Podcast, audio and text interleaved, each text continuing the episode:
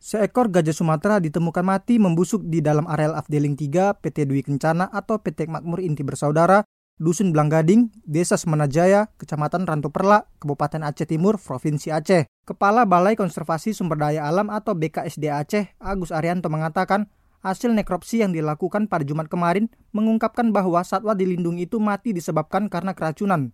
Dari hasil olah tempat kejadian perkara, ditemukan adanya cairan merah dan bubuk hitam terbungkus plastik yang diduga merupakan salah satu jenis bahan insektisida yang umum digunakan dalam bidang pertanian. Barang-barang tersebut ditemukan sekitar 100 meter dari lokasi bangkai gajah. Bukan hanya itu, di dalam saluran pencernaan gajah tersebut juga terdapat kemasan deterjen yang dibalut dengan peci kupluk.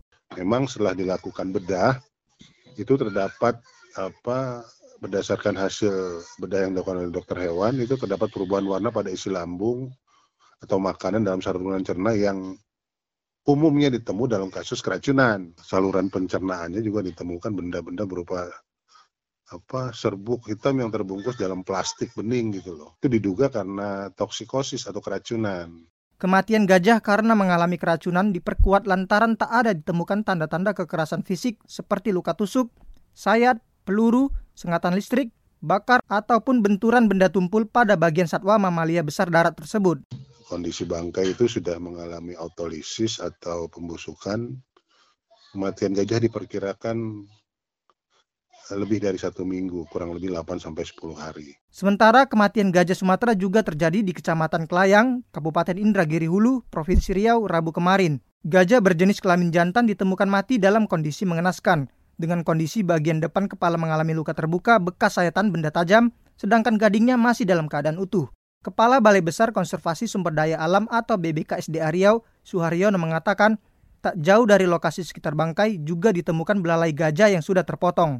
Kuat dugaan gajah tersebut mati lantaran dibunuh oleh manusia lantaran mamalia besar tersebut sempat masuk ke dalam pemukiman masyarakat. Sementara itu, Direktur Wahana Lingkungan Hidup Indonesia atau Walhi Riau, Riko Kurniawan mengungkapkan bahwa konflik satwa dengan manusia cukup tinggi di wilayah Riau. Kata Riko, alih fungsi hutan menjadi salah satu penyebab tingginya konflik antara satwa liar dengan manusia di Riau. Eh, beberapa bulan yang lalu, hampir tiap bulan, misalnya kan dulu harimau yang meninggal mm -hmm. atau diburu.